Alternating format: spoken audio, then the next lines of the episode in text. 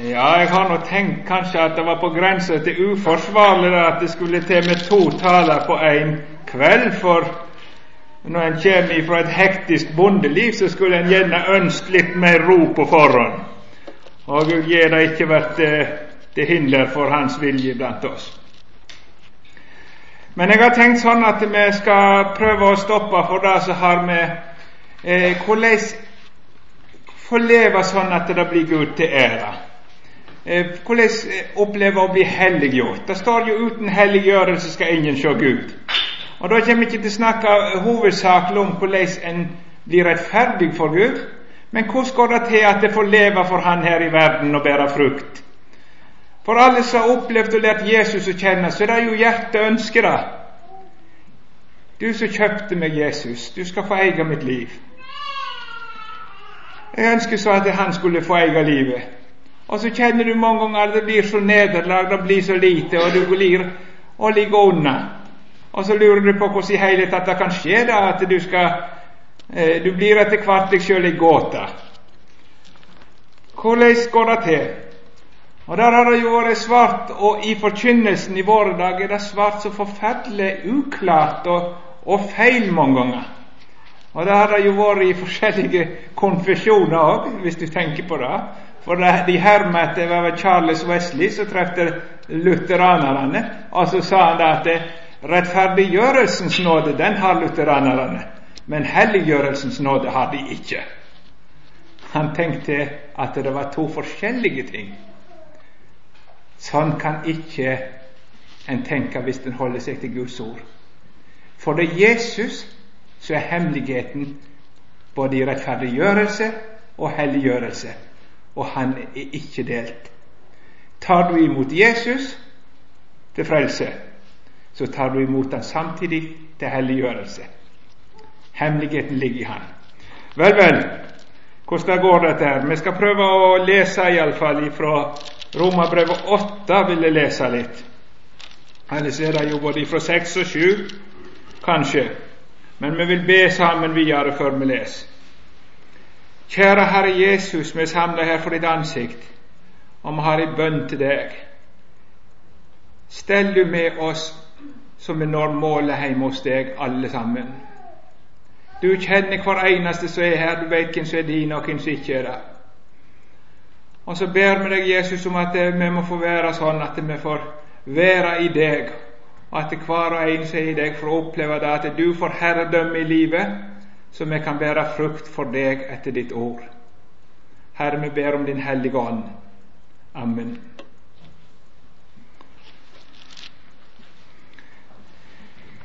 Ja, Romerbrevet 8, da leser jeg fire vers. Så er det da inga fordøming for de som er i Kristus Jesus for lova åt livsens ånd har i Kristus Jesus gjort meg fri fra lov åt synd og døden. For det som var umulig for lova, fordi hun var maktløs på grunn av kjøttet, det gjorde Gud da han sendte sin egen sønn i syndig kjøttslikning og for syndas skyld og fordømte synda i kjøttet. Så rett for at lova skulle verta oppfylt i oss, vi som ikke ferdast etter kjøtet, men etter Ånden. Amen.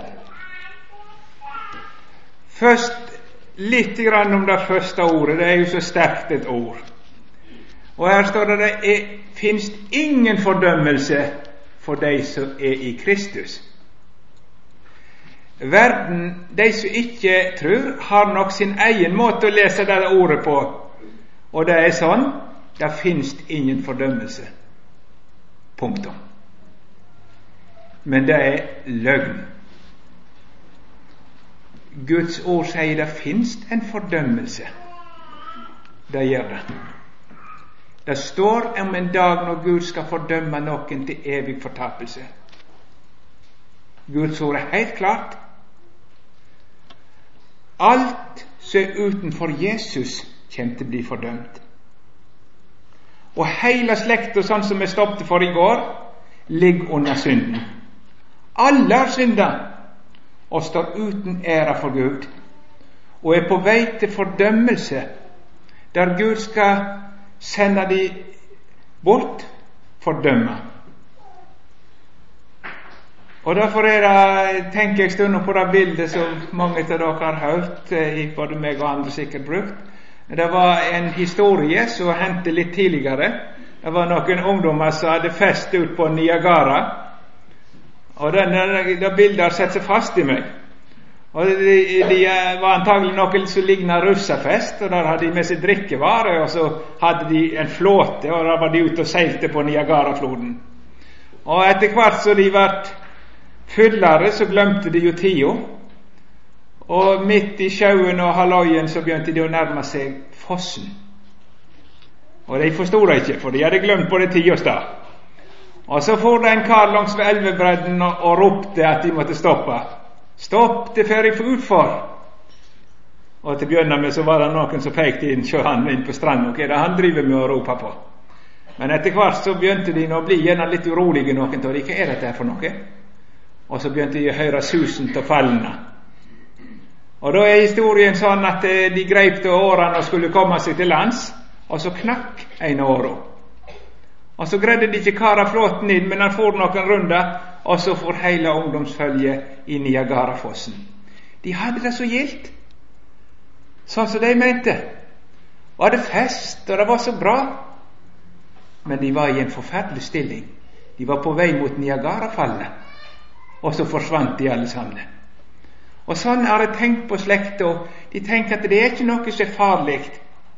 Og så sier Guds ord at det kommer en dag når Gud skal helle dom, og der alt som er syndig for Han, skal vises og fordømmes bort i evighet.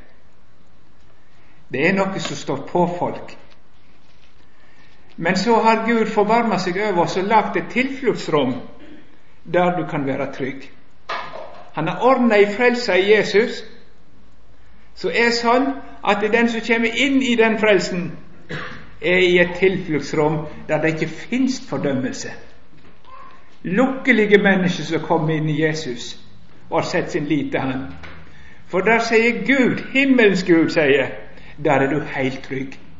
Det er ingenting som kan fordømme deg. Og da er det sånn at det er ingenting som kan fordømme seg, for du har ingen uoppgjort ting med Gud. For alt du skyldte, har Jesus betalt for deg, og du har fått del i det. Og Derfor vet du det er ingenting mellom meg og Gud som ikke er ordna. Det fins ingen fordømmelse. Men så kommer en òg inn på ei annen side i den saken, og det er ja, men du er jo fortsatt et syndig menneske. Kan du ikke bli fordømt? Jo, men det er nemlig sånn at det synd og si makt er brutt i en kristen. Han behøver ikke trelle under synda lenger. Og det skal jeg komme litt inn på i dag. Jeg har ikke bare med hvordan du skal bli et Guds barn og bli trygg for en frelsessak sånn, men hvordan skal jeg oppleve at Gud får herredømme i livet for det er jo noen som sier at det har da lettvint. Hvis det bare kan be Gud om tilgivelse, så kan det leve som det vil. Og nå lærer vi jo det at vi blir frelst ved tro på Jesus alene, uten gjerninger. Og det er sant. Når Jesus har gjort det fullkomment, så skal du få slippe å legge noen ting til. Men så sier Luther likevel en plass etter Skriften du blir frelst ved tro på Jesus alene, men trua blir aldri alene. For når du begynner å tro på Jesus, så skjer det noe. Du flytter inn i Jesus, i tilfluktsrommet, og gjemmer deg i Han. Så flytter Jesus i samme nu inn i ditt liv. I det øyeblikket et menneske flytter inn i Jesus, så flytter Jesus inn i det mennesket ved Den hellige ånd. Og da blir det et nytt liv her inne. En ny lyst. Ny trang. Og det er mange som misforstår. De dømmer kristenslivet utenifra. Jeg har hørt mange som sier det. Det må være forskrekkelig kjedelig å være en kristen. For da dømmer de ifra sin naturlige lyst. Ja, De kjenner jo ikke Jesus. Men når du kommer i samfunn med Jesus, så får du et nytt hjerte og en ny lyst. Så du blir en annen person. Samtidig som du har det gamle. Det skal jeg komme litt bort i etter hvert. Og Derfor eh, kan du forstå det på den måten jeg har stund og prøvd å illustrere det. Kona mi heter Wenche. Jeg skulle skrytt litt av men nå er jeg tar opp, og da kan jo komme til å få høre det, og da kan hun bli eh, sinte på meg. Det risikerer jeg ikke. Men når jeg begynte å komme i forelskelsen og dette der, det var noe, noe tregt, for jeg hadde ikke tenkt at det var eh, at jeg skulle få henne, da. Men etter hvert så begynte det jo å bli verre og verre med åra.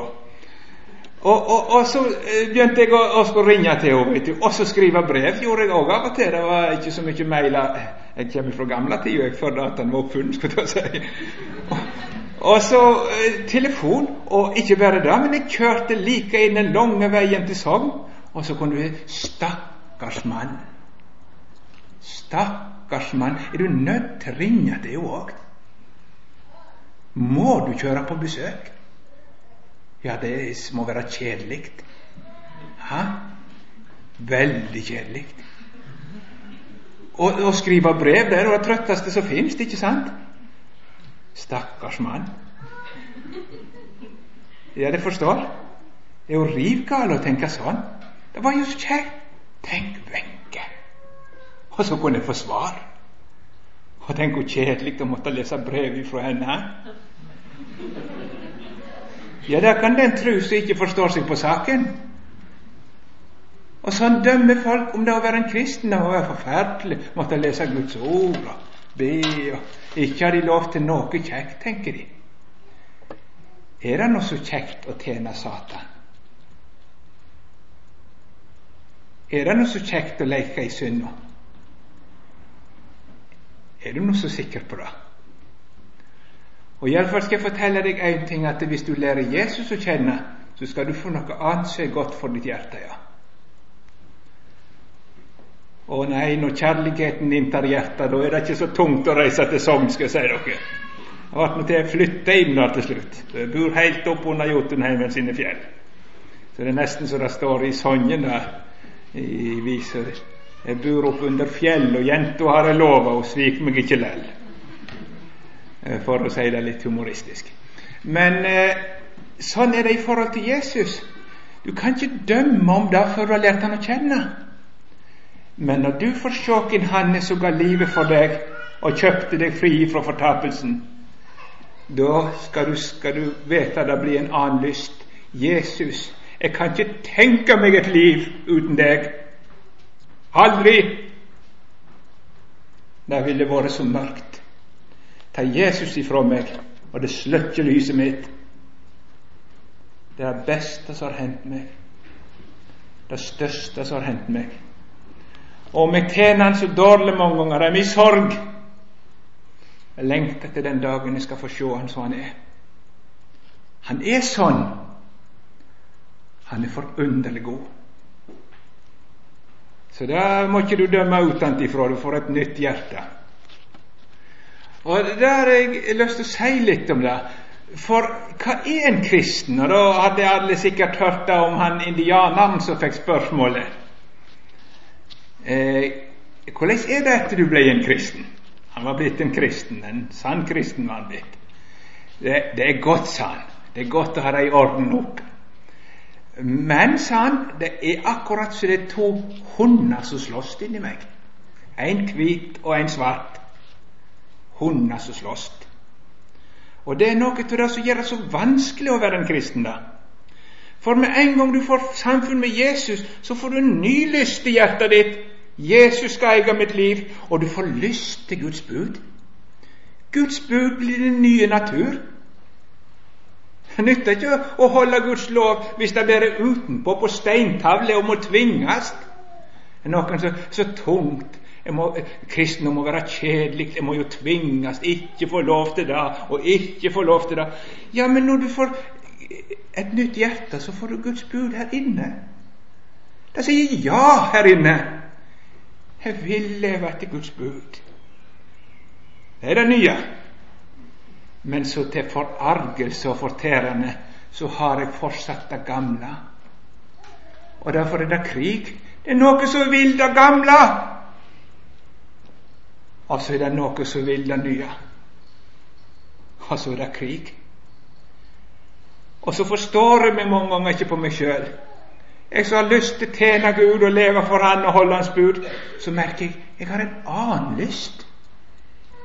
Den egoistiske Øyvind Sandøy er fortsatt fullt oppegående. Ja da. Og så skal jeg tale og har lyst til det. Jeg skal få se Jesus. Og så er det en her bak som har lyst at det skal se meg. Store Gud, at det går an. Er det vanskelig å holde et vitnesbyrd om Jesus uten at en har lyst til å ta noe ære? Og så hvis det går dårlig, så går en så misfornøyd ned at Hvorfor? Jeg fikk ikke ære Jesus. Kanskje meg sjøl. Og nei, du store Gud, for et strid. Kamp mellom det gamle og det nye. Og så står det her om noe som er umulig for loven. Og da må jeg si litt mer om loven. Nå har han sagt en del om loven, men det er ikke fort. For Guds lov Gud har sendt sin lov og gitt oss sin lov. Det er en stor gave. Og Guds lov er god. Kan være sikker på den gode Gud, at loven er god. Her skal bli godt i himmelen, der alle lever i samsvar med Guds vilje av natur. Å, du store Gud. Guds lov er god. Men når Guds lov er gitt i denne verden, så er den gitt av tre hovedgrunner. Det er tre ting Gud vil når Han har gitt sine bud. For det første så er det gitt for å danne orden her på jord. Gud vil at det samfunnets lover skal være styrt etter Guds vilje. Jeg har stundom fortalt om han Eh, så ja, det, eh, var en ateist som møtte professor Wisløff. Han var på vei til møte. Og så sier han ja, hva skal du? Jeg skal snakke om Guds bud, sa han. Skal du snakke om Guds bud? Det er jeg ferdig med, sa han. Kom ikke med deg. Nå er du da, sa han. Eh, du har kanskje ei kone du som du er glad i? Ja, han hadde det. Han hadde ei han var virkelig glad i. Ja, vil du at noen skal lokke og ta henne ifra deg?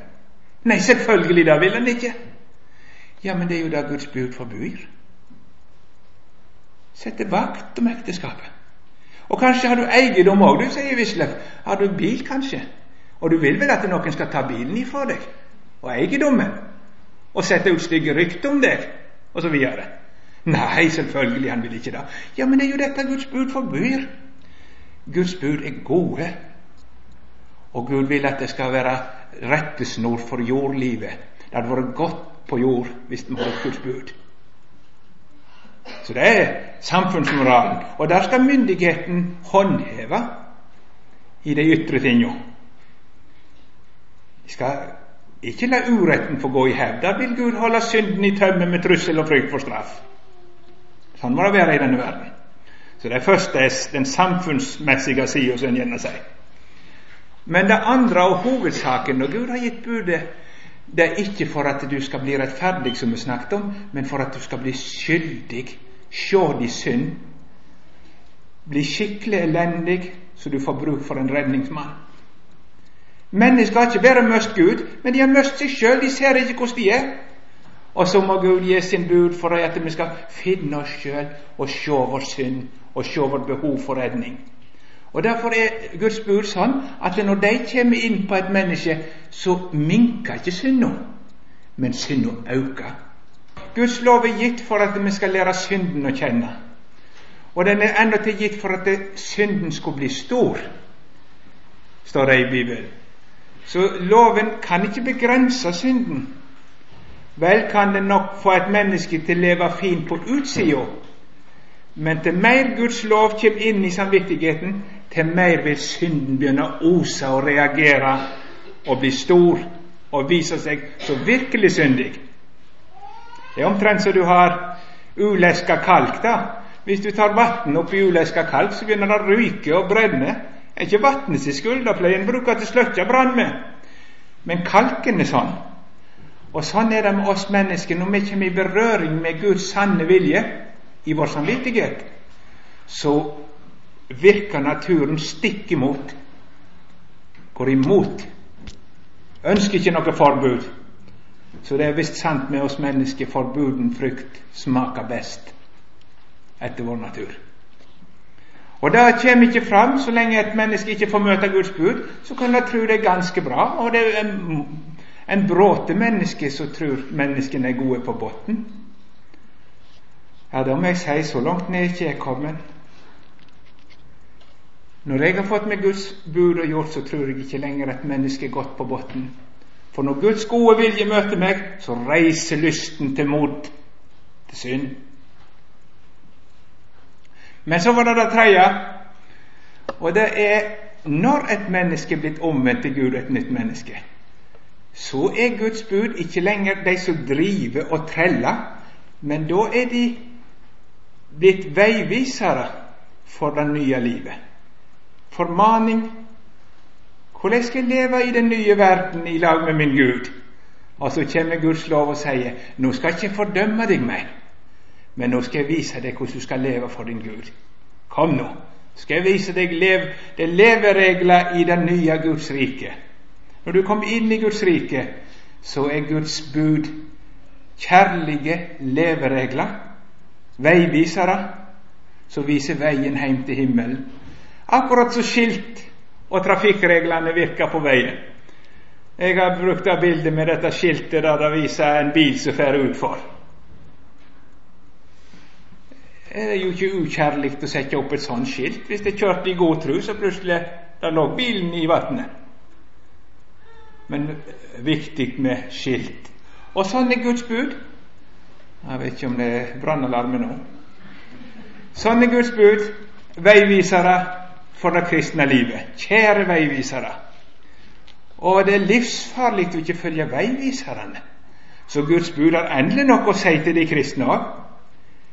Og forsvarerne skal òg Guds bud vise den kristne sin synd, så han alltid har bruk for Jesus. Det òg. Så det er de som vi gjerne kaller for lov og sine tre bud. Men det er altså noe loven ikke kan. For det første så kan ikke loven få deg til å bli rettferdig for Gud.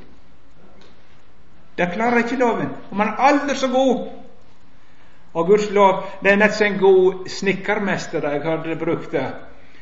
Eh, han kan få til hva som helst og lage all slags flotte møbler. Men sender du han et pillråttent materiale, så står snekkeren, om han er aldri så god, fast. Og sånn var det med Guds lov. Du ser hva han kunne få til når han fikk Jesus til å prøve seg på. Et flott liv. Men når Guds lov skulle møte oss syndige mennesker, da fikk han det ikke til. Det var umulig. Om loven var aldri så god, så klarte han ikke få oss til å bli gode. Der sto han fast. Det var umulig for loven, for den var maktløs på grunn av kjøttet, den vonde naturen. Det er akkurat som du kan tenke deg en stor heisekranne står nede ved sjøen og heiser de tyngste kassa og, og laster over båten. Men fyr kroken ned i havet og se om han kan løfte havet. Han kan være så sterk han være vil, men han får ikke tak.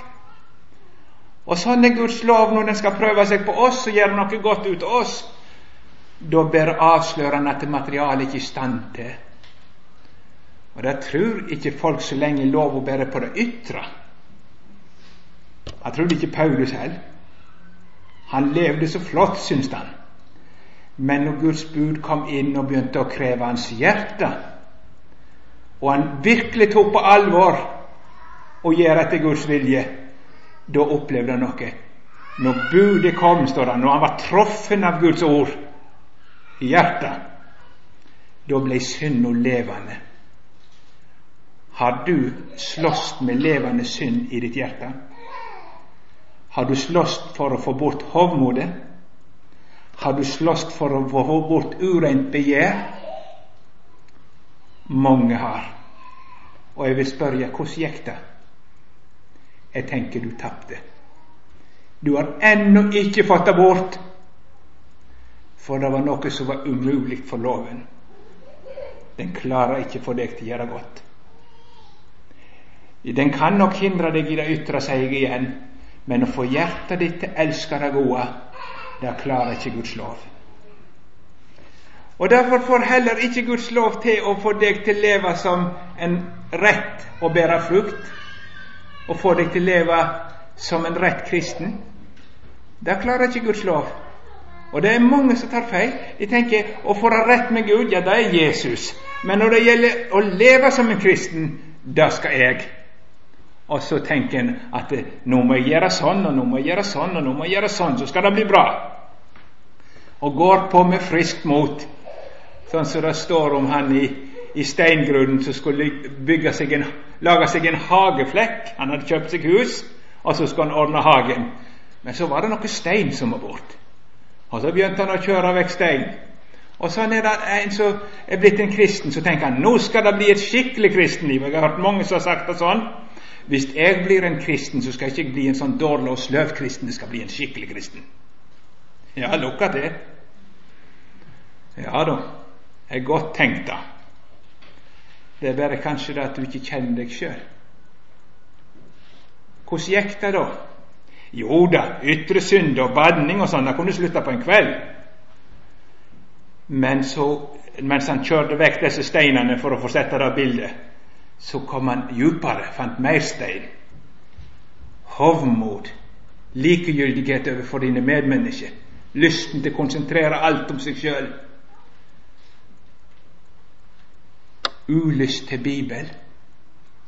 Du har vel alltid lyst til Guds ord, du som er kristen? Og ja, det skulle være så greit, ikke sant? Og så merker du jeg orker ikke. Ulyst. Ja, nå må jeg ta meg sammen, ikke sant? Og prøve å få lyst. Ja, hvordan går det? Har du greid det? Jeg tenker da du har så mange nederlag. Og sånn gikk det med han som skulle lage hageflekken. Til djupere han grov, til mer stein fant han, og til slutt går den forferdelige sannheten opp for han. Det er stein hele veien. Og under ligger granittfjellet Mor-Norge. Det er ikke lett å få til noe som bærer frukt. Og sånn er det i et menneske. Eh, ytre synd og, og sånne greier, det går an å hive vekk. Men hvem kan vel hive vekk grunnfjellet? Ondskapen, syndefordervet, gudfiendtligheten som ligger i bunnen på oss alle. Og spyr ut og ennå spyr ut. Den får du ikke bort. Og det hjelper ikke å true heller. Og du kan prøve på tiltak etter tiltak, og folk sier ja, men jeg må be mer. Ja, be mer, du. Det er helt riktig, du må bare be mer. Og så ber du Gud må hjelpe deg til å få det bedre til. Har du gjort det og lukkes? En liten stund kan det se sånn ut, men en kort stund etter så lir du nederlag igjen, og akkurat samme Jensen. Nei, det er noe loven ikke kan, ser du. Han kan ikke få deg til å være god og til å bære sann frukt, for han var maktløs på grunn av kjøttet. Du har vel lysten i ditt hjerte når du er blitt omvendt til Gud, ja. Men så har du denne hedningen på ryggen som alltid hindrer deg. Og så går det galt. Og så går du i det samme fall. Og så er det mange til dere kanskje som har opplevd å kjempe mot spesielle synder. Og du må jo vinne. Og så taper du.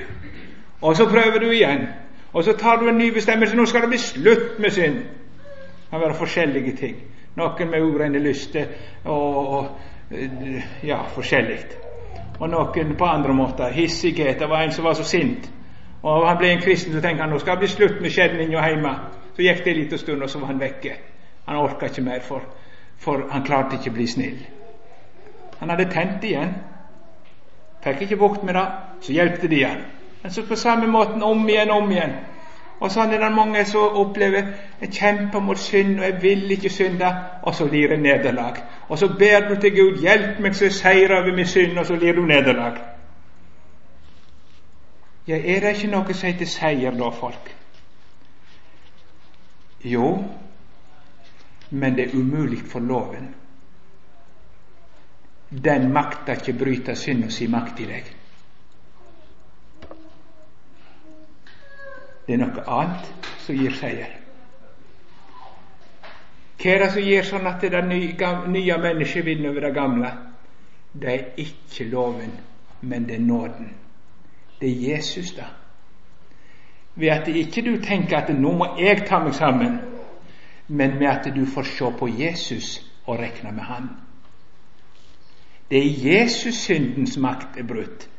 Det er der du er fri ifra både syndens skyld, så synden ikke kan fordømme deg, for den Jesus ble fordømt. Jesus hadde gjort opp.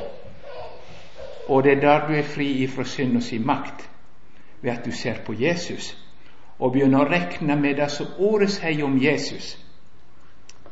Og hva sier ordet? Alt det du kjenner i ditt hjerte, du som et Guds barn, av stygghet og ondskap, fristelse, alt, det har Han gjort deg fri ifra på Golgata. Han er dømt til døden for det og gjort deg fri fra alt sammen. Så nå skal du få regne deg med dødt og begravet med Jesus. Alt dette her vonde i mitt hjerte, det har vært for sin ende og vært gravlagt på Golgata.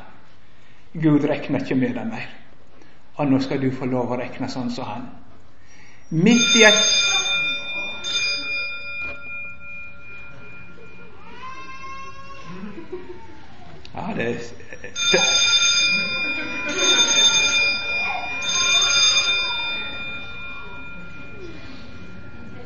De driver og tester nervene våre, tror jeg. ja. Alltid beredt. Ja, ja. Jeg vet ikke hvordan dette ender. ja. Så når du begynner å kjenne din urenhet, så tenker du så lett sånn Ja, nå, nå, må jeg være klar. Du ser på synden og på fristelsen. Nå må jeg seire. Nå, nå sier Guds bud at du skal ikke synde, og nå vil jeg ikke synde. Og så ser du på synden, og hva som skjer.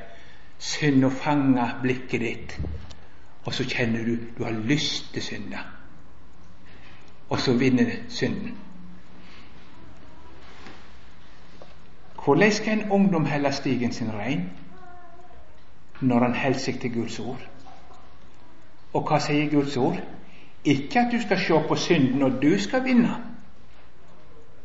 men at du skal få snu blikket mot Jesus og begynne å regne på han. Den stygge ting som du føler i ditt hjerte, det har Jesus gjort meg fri ifra. Jeg er ferdig med det. Jeg ble gravlagt med Han i dåpen, og da begrov Gud hele ondskapen.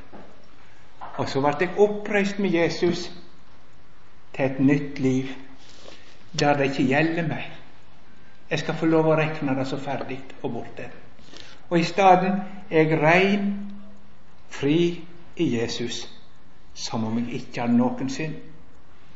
Og så skal jeg få lov å se på at det akkurat i fristelsens stund så er jeg i Guds øyne så hellig som Jesus sjøl. Sånn har Jesus gjort det. Og det er så forunderlig å begynne å regne med Jesus da. Da skal du nok ikke oppleve at alt blir borte, for da hadde du blitt en håndmodig fariseer igjen. Ja, nå har jeg klart det. Men du skal vel likevel merke at det synd og møsse sin makt over deg når du får festa blikket på Jesus. For hva skjer når du får lov å tro at jeg er rein midt i nøden? Da får det nye mennesket nemlig herredømme. Tenk, Jesus, du er så god.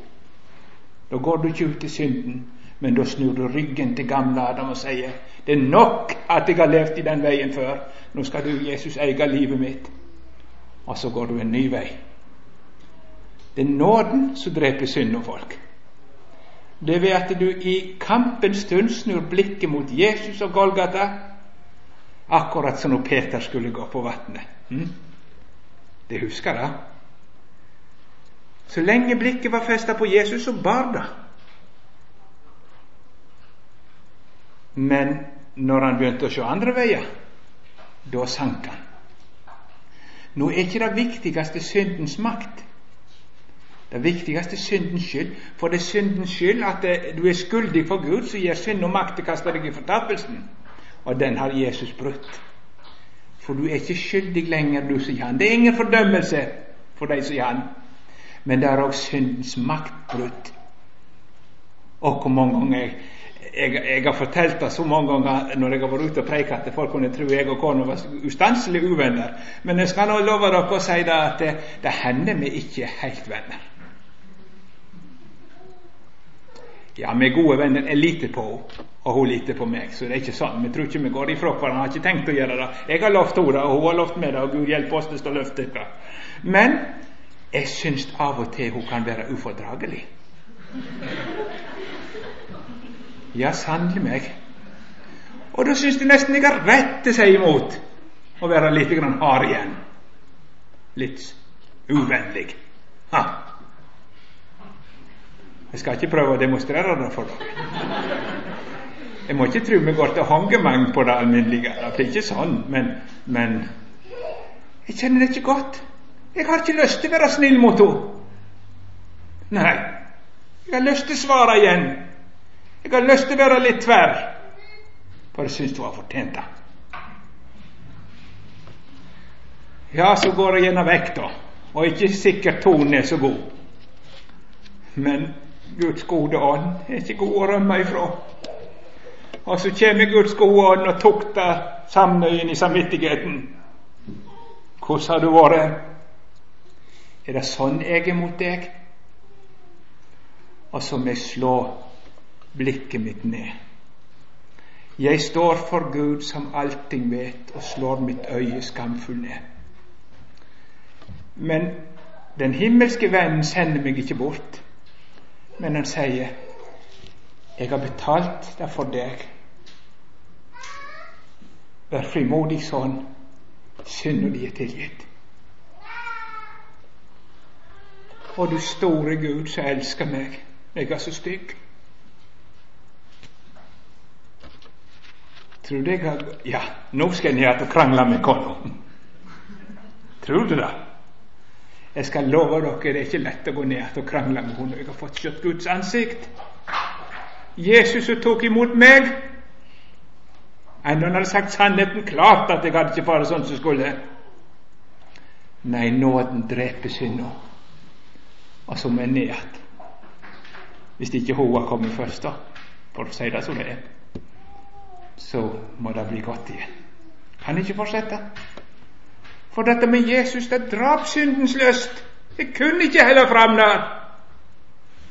Men det var ikke jeg som klarte det. Men det var nåden som klarte det. Jeg klarer ikke å vinne over synda. Men nåden vinner over synder. Nå tok jeg litt hverdagslikt eksempel. Det er så lett å ta dette der, for det er så alminnelig. Men jeg kunne selvsagt like godt brukt andre ting. Du har ditt, er det noe du kjenner du lir så unna for? Og så tenker du det skal bli seier, og så blir du så mismodig år og går, og du lir og det samme. Og jeg skal love deg, den gamle Adam han blir aldri kristelig. Han kommer til å være gudfiendtlig hele livet. Men han skal ikke få viljen med deg. Ja, men hvordan skal det gå til?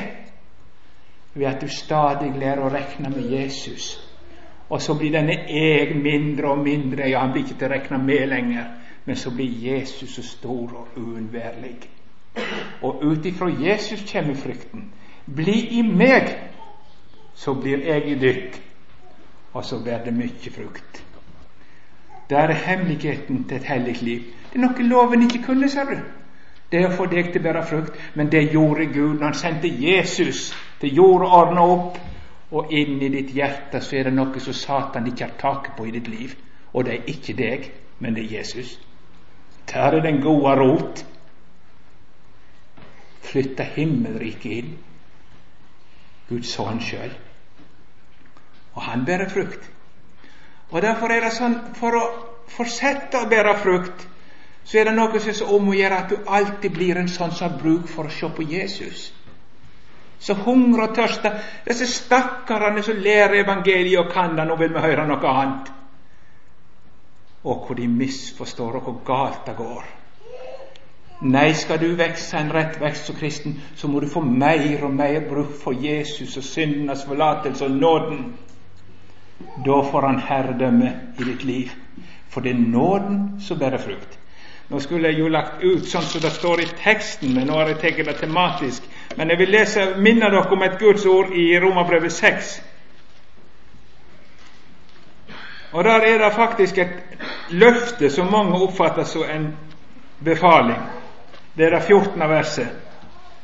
Så her kommer en vordende predikant, kanskje. Der står det sånn For synda skal ikke få råd over dykk, for det er ikke under lova, men under nåden. Han sier ikke at synda ikke skal få deg i fall. Det kan han få, men den skal ikke herske over deg. Hvem sier han da til? De som er under nåden. Samme hvor mange jeg har herma stunda etter han som var ute og gikk med faren. Og faren var av den utålmodige sorten, så til slutt ble han forarga. 'Jeg har ikke gått tur med noen som har datt så mange ganger som deg.' Og så svarer gutten, 'Men da har du vel heller ikke gått med noen som har reist seg så mange ganger?' Ja. Og sånn er det. Synda får ikke herske for den sin orden. Om det blir så mange fall, så fortsetter du på den gode vei under nåden. Og fortsatt er det ditt hjertens ønske at Jesus skal heie livet ditt. Så lenge det er under nåden, så blir du ikke liggende i syndens makt. Men den dagen du slutter å komme til nådestolen og blir fornya i ditt vennskap med Gud gjennom Jesus, så har synden makten, om du ellers syns du er nokså hellig. Ja. Og Derfor må Gud stelle sånn med oss at vi får være sånne fattige som har bruk for Jesus. Jammen må han da. Og Derfor kan han ikke gi deg så mye seier som du vil at du skal bli stor og from. Men han må gjøre det på en sånn måte at det blir Jesus som blir stor. Han skal vokse, jeg skal minke. Og så husker jeg de gamle troende hjemme. Det er godt å ha noen som har reist før. Nå venter de der hjemme. Jeg gleder meg til å treffe dem. Jeg trodde nesten de var syndefrie. De var så uh, Jeg syns de levde så fint, og de var gilde mennesker. Og jeg trodde ikke det var noe hykleri, selv om de syntes de var så mange hyklere også nå. Men når du snakket med dem, så var de så plaget med sin synd. Og det var ikke noen storkarer som kunne dette med kristendom. Se på meg, her er alt i orden. Men det var sånne som var blitt så ynkelig små i seg sjøl. Men de hadde så stor om Jesus. Jeg har en venn som har tatt bort mine synder, og han holder fast. Og så dreiv dette nådeordet de på den nye vei, så de ikke kunne tjene synden. Og så ble de i grunn mindre i seg sjøl, og så ble Jesus Det lukta Jesus av dem, for å si det litt eh, ja, på den måten. Det var ikke de som kunne det, men det var Jesus som ble stor.